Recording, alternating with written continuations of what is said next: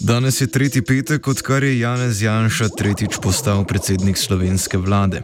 Od stotih dni miru, ki naj bi pripadali vsaki novi vladi, ni bilo nič. Hitra širitev novega koronavirusa v Evropi je zajela tudi Slovenijo.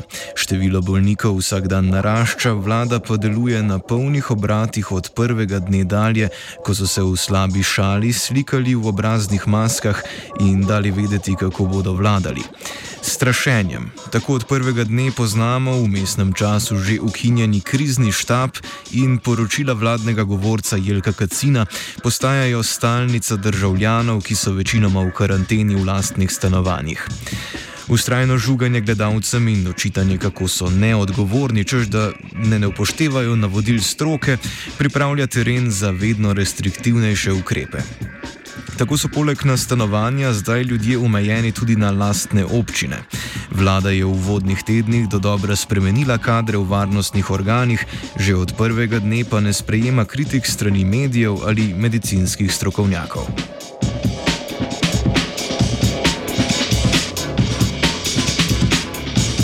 Premijer Janez Janša je malo razumevanja za kritike pokazal tudi ob sprejemanju prvega protikorona zakona, namenjenega zmanjšanju gospodarske škode, ki bo nedvomno sledila tej zdravstveni krizi. Vlada Slovensko demokratsko stranko na čelu je sistematično zavrnila vse opozicijske amandmaje na predlagani zakon, svoja ministrstva pa pozvala naj dopolnila umaknejo iz obravnave. Vse napake bodo v drugem paketu odpravljene, na nikogar ne bomo pozabili. Tako pravi premije, ki ob vsem tudi povdari, da obstajajo tudi bližnjice, če bo državni zbor upočasnjeval zakonodajni proces.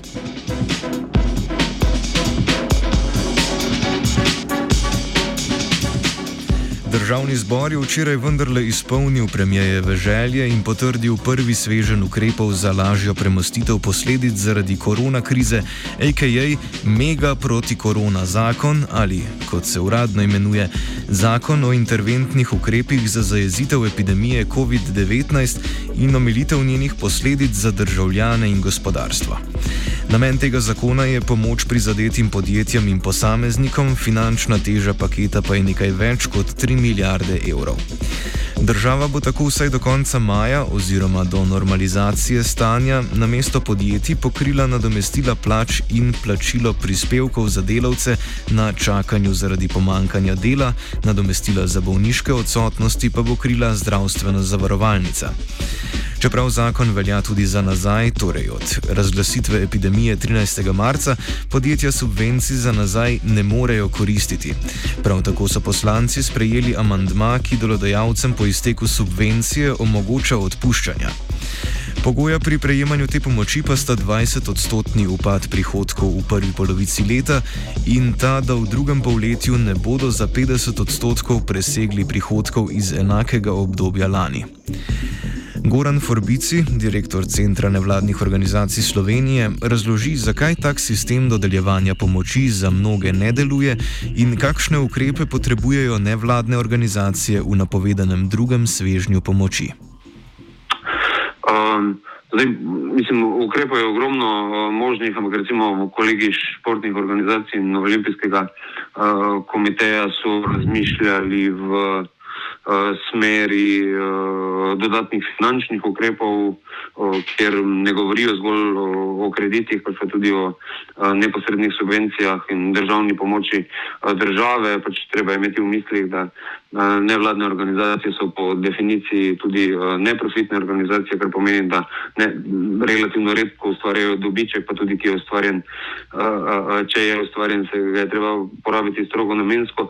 Tako da težko bi našle, če rečem, neke presežna sredstva, s katerimi bi uh, lahko uh, financirale svoj uh, ponovni zagon. Tu država pač to mora vzeti v obzir. Uh, uh, zgolj podeljevanje kreditov tu težave največkrat ne reši, zato ker je težko, kot sem že rekel, pač, ker ne nastaja dobiček, je težko pretekle kredite obveznosti povrniti. Splačalo bi se razmišljati tudi o kakšnih na vse zadnje dodatnih davčnih olajšavah, podobno velja ne na zadnje tudi za kulturo. Zdaj, v, v prvem, oziroma v včeraj potrjenem mega zakonu je tudi nekaj splošnih ukrepov, ki so sicer generalno dobri, zdaj ne upoštevajo pa vseh specifik nevladnega sektorja. Tu mislim zlasti to določilo, kdo je upravičen do ukrepov. Pravilo namreč je, da si, zato da si upravičen v prvem polletju letošnjega leta, moral imeti 20% manj dohodkov kot lansko prvo polletje in da v drugi polovici letošnjega leta ne smeš imeti uh, več kot 50 odstotkov več prihodkov, kot si jih imel v lanskem drugem polletju. Generalno seveda ta rešitev se zdi smiselna in razumna. Njena logika je, da kdor v resnici letos gledano na celo leto, eh, ne bo pretirano finančno prizadetje, na nek način eh, sposoben finančno ob eh, močnejših prilivih v drugi polovici sanirati škodo ali pa izgubo, ki jo ima v prvi polovici. To verjetno drži za večino gospodarstva, tudi nek del nevladnih organizacij, ampak za nek pomemben del nevladnih organizacij pa ne. Dam zgolj primer humanitarne organizacije, eh, zlasti Rdeči križ, Karita, Zvezda prijateljev eh, mladine so zaradi eh, svoje dejavnosti in svojih programov, tega, kar zdaj delajo na terenu, seveda bile deležne tudi dodatnih donacij, ne na zadnje tudi država je nekaj dodatnega javnega denarja namenila. Gre seveda za strogo namenski denar, ki ga ni mogoče porabljati svobodno, pač pa je namenjen res pomoči ljudem. In zdaj te organizacije najverjetneje v prvi polovici letošnjega leta niti ne bodo imele 20% manj prihodkov, kot so jih imele v prvi polovici uh, lanskega leta, verjetno celo jih bodo imele več, ravno zaradi uh, dodatnih donacij. Podobno se zna zgoditi v naslednjem poletju, ampak na nek način bi kazen za to, da so zdaj bolj aktivne, da so zdaj sodelujejo, neposredno pomagajo državi, kazen za nje na nek način bo, da pa niso upravičene za subvencije. Tu je verjetno uh, treba poiskati neko uh, dodatno rešitev. Mi smo jo že predlagali in že usklajevali uh, z vlado, pa potem zaradi zaustavitve dodatnega amandmiranja ni šlo skozi, ampak nadaljujemo pogovore in ta izjema je, da ta finančni pogoj, ki sem ga prej omenil, o tem, da se ti prihodki ne smejo preveč zvišati in da ti morajo v prvem polletju pasti, vsaj za humanitarne organizacije ne bi uh, veljal.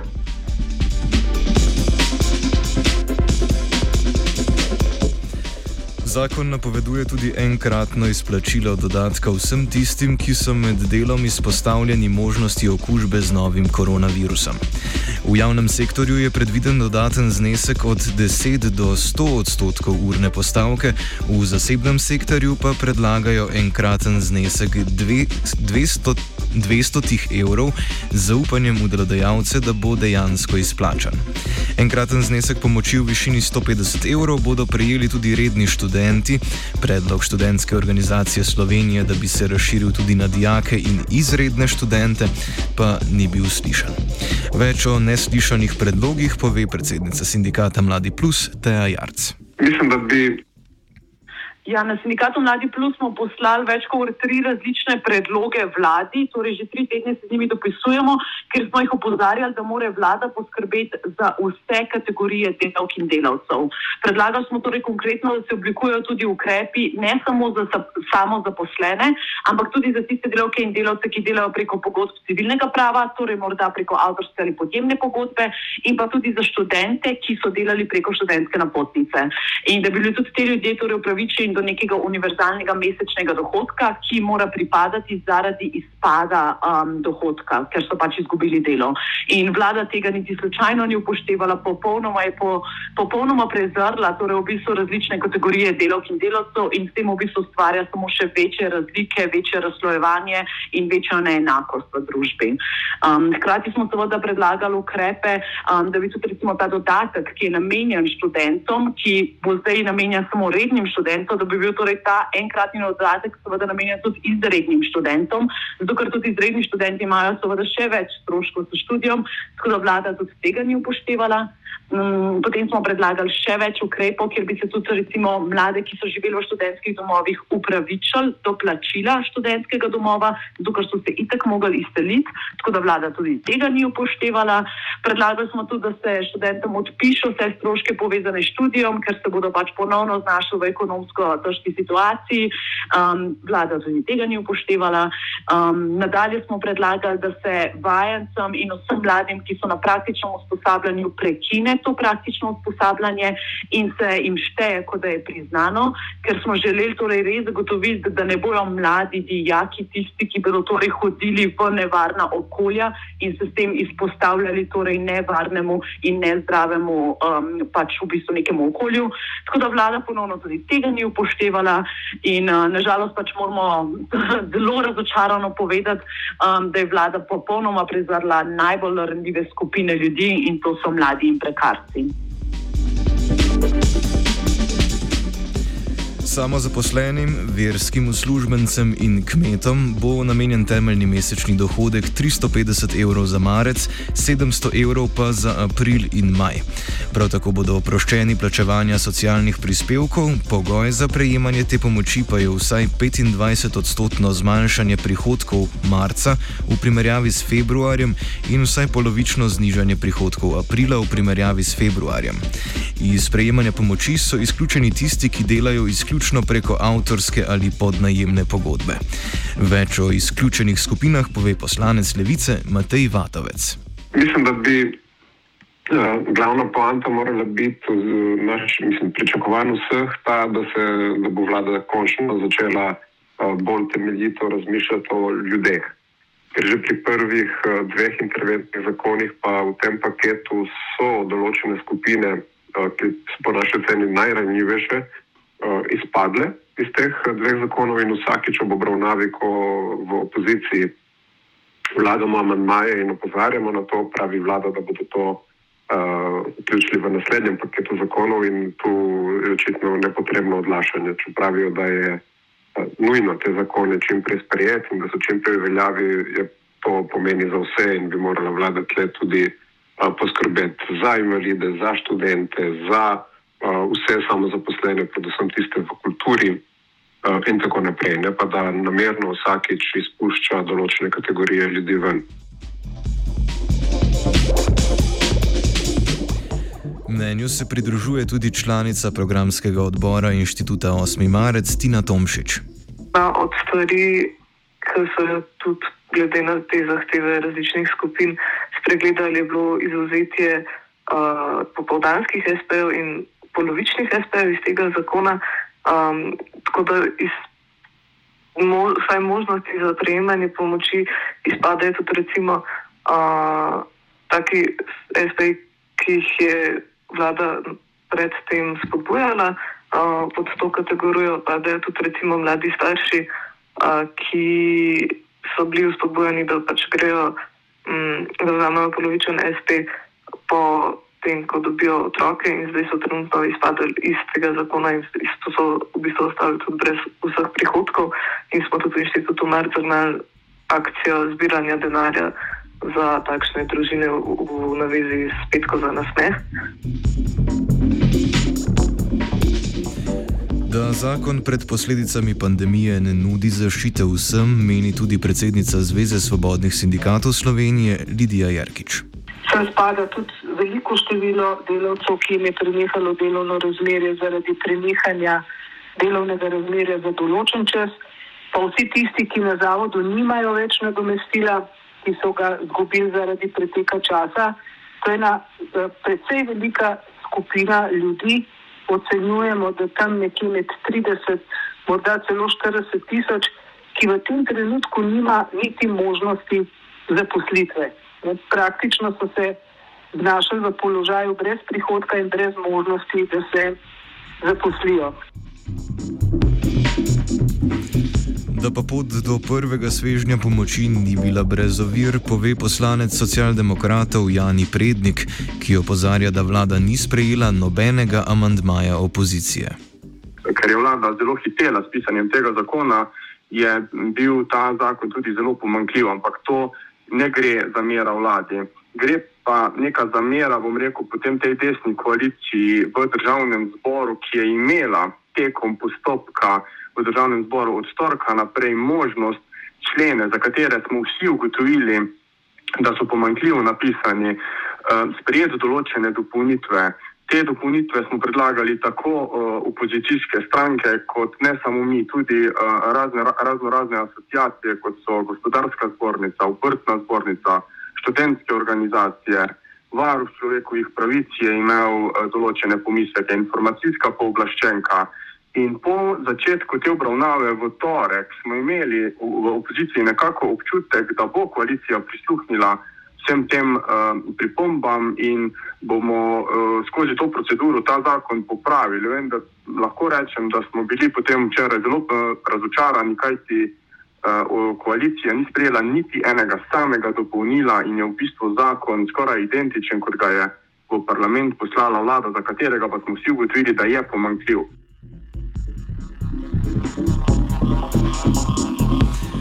To povdarja tudi Vatovec. Kar se tiče samega sodelovanja z vlado, pa mislim, da lahko rečemo, predvsem, da ga ni. Uh, vlada je sicer imenovala državnega sekretarja za sodelovanje z državnim zborom, mislim pa, da to sodelovanje poteka predvsem s koalicijskimi poslanskimi skupinami ali z SDS-om.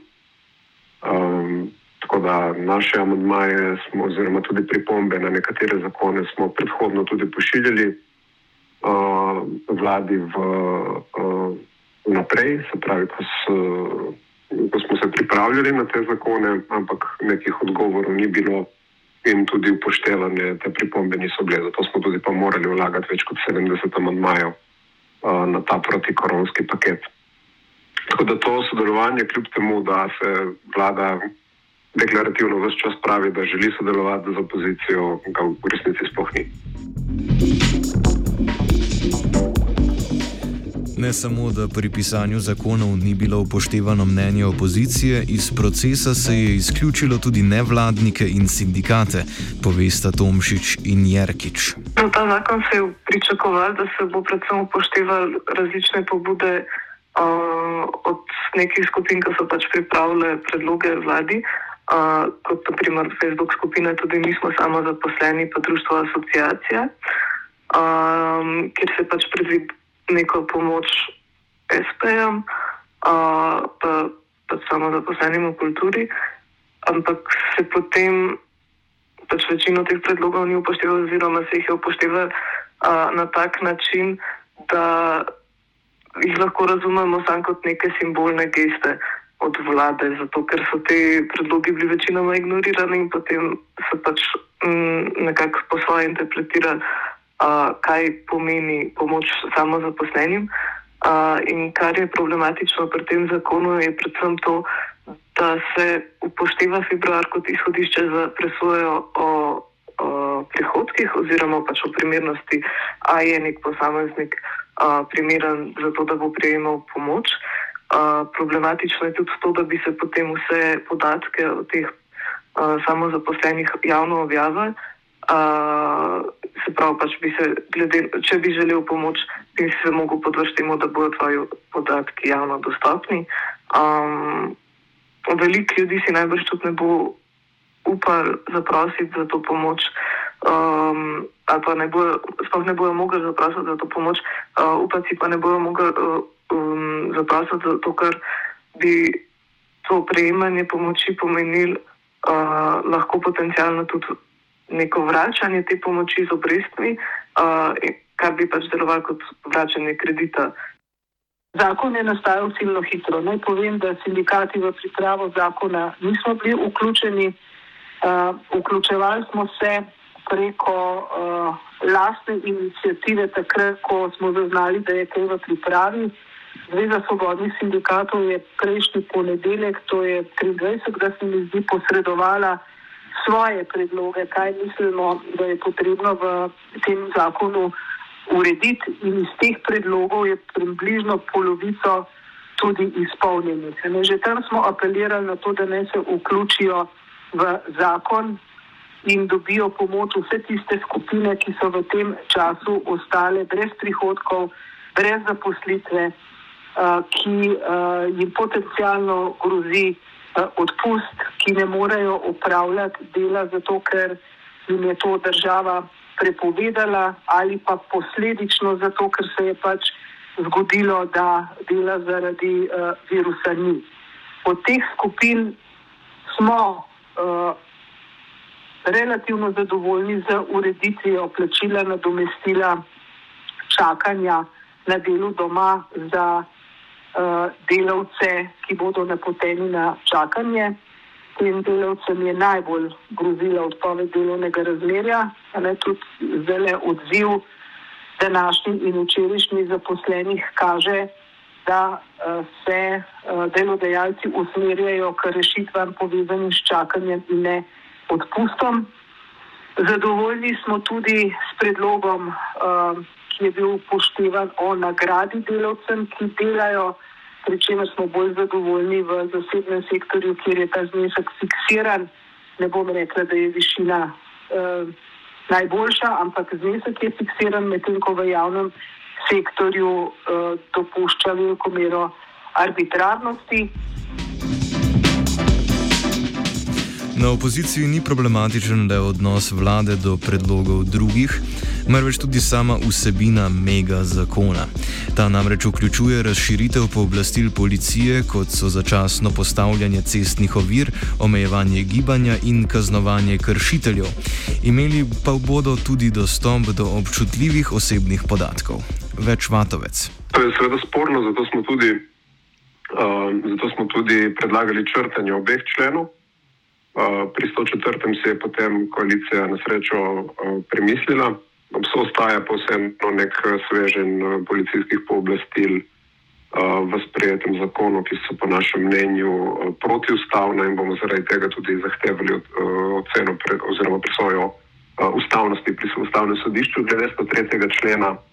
Gre pa zelo jasno, jasen znak tega, kaj si ta vlada želi. Mi od, trenutka, ko je bila imenovana, smo upozarjali na to, da bo to vlada z izjemno avtoritarnimi težnjami in mislim, da se to dokazuje na vsakem koraku, od namer do po, um, podelitvi policijskih pooblastil vojski do širitve uh, policijskih, policijskih pooblastil na splošno in mislim, da uh, tudi včerajšnja grožnja Jana Zajanša v parlamentu, da mora nekatere zakone sprejeti sicer mu bo oduzel pooblastila, so zelo jasni znaki tega, da eh, skušamo stopiti po, po poti Mačarske. Da pa leni vse črno, poslanec Nove Slovenije Jožef Horvat za nosom pohvali delovanje vlade in njeno odzivnost na reševanje posledic epidemije. Naša vlada se je bliskovito, natančno na dan, ko je presegla v državnem zboru, odzvala na eh, grozljivo epidemijo, ki je dejansko v tem času ogroža človeštvo in seveda tudi Slovenijo. V manj kot 100 urah, ne 100 dneh, v manj kot 100 urah je naša vlada sprejela pet interventnih ukrepov, ki jih je državni zbor sprejel prejšnji teden. Uh, takrat smo že napovedovali obsežen, svežen ukrepov, ki bo pomagal ljudem in slovenskemu gospodarstvu od, koga, od, od katerega vsi živimo. Najprej smo računali, da bo ta svežen težak finančno okrog 2 milijarde evrov. Ko smo širili potrebe uh, in dejansko želeli, želeli pomagati, ponavljam, ljudem in gospodarstvu, je zdaj finančni učinek tega svežnja težak približno 3 milijarde in 100 milijonov. Zelo težko je v kratkem času napisati idealen zakon. Nemogoče. Gotovo, da smo kakšno skupino ljudi nenamerno izpustili, ampak že več čas prejemanja tega svežnja napovedujemo, da pripravljamo naslednji svežen ukrepov, ki bo gotovo sprejet tam um, najkasneje, najkasneje v, v začetku uh, tretje triade oziroma tretje dekade uh, tega meseca.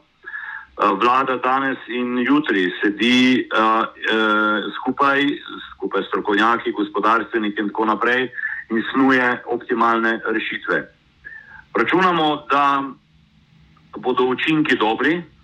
Um, morda je kje kakšen člen zapisan tako, da bo težko izvedljiv, ampak tako predsednik vlade včeraj v državnem zboru, kot tudi sam v imenu poslanske skupine Nove Slovenije, sem uh, zagotavljal, da bomo, če so se napake zgodile in takšni primeri se dogajajo, bomo te napake tudi popravili. Nihče ne sme biti pozabljen, ki ga je, nišče, ki ga je ta uh, grozljiva uh, epidemija uh, ogrozila. Obžaluje pa, da v krizi obstaja opozicija. Ja, želel sem, tako kot je tudi običaj, ko se zgodi nesreča v narodu in to je definitivno korona epidemija, da smo na politični ravni tudi bolj enotni. Ljudstvo je gotovo enotno. Ljudstvo v veliki meri spoštuje navodila, ukrepe zdravniške stroke kar zadeva karanten, zdaj smo pač doma, tisti, ki lahko so doma, so doma, kot veste, mimo grede državni zbor eh, še vedno zaseda v klasični obliki, niti nam poslovnik ta trenutek ne omogoča, da bi lahko glasovali ali zasedali od doma. Um, kot rečeno, bi pričakoval, da bo, um, da bo politični spekter bolj enoten. Tako da Uh, niste me sicer vprašali, ampak uh, glede glasovanja sem nekoliko razočaran. Pričakoval sem, da bo tudi strani večjega dela opozicije uh, več glasov za ta zakon. Res je, da je bil samo eden proti. Uh, veliko je bilo, velika večina opozicije vzdržanih. Uh, torej, se ne moremo pohvaliti s takšno enotnostjo, kot naprimer.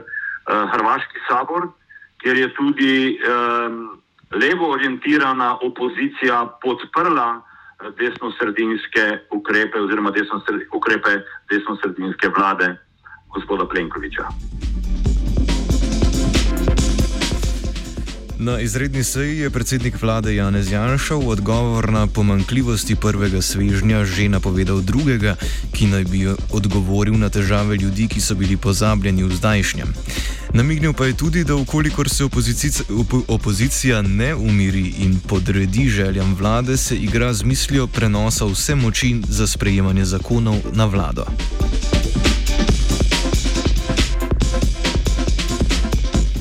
Sinoči je na odmevih na televiziji Slovenija ekonomist Marko Jaklič nekoliko natančneje pojasnil, kako so si v posebni svetovalni skupini razdelili pripravo ukrepov v prihodnje.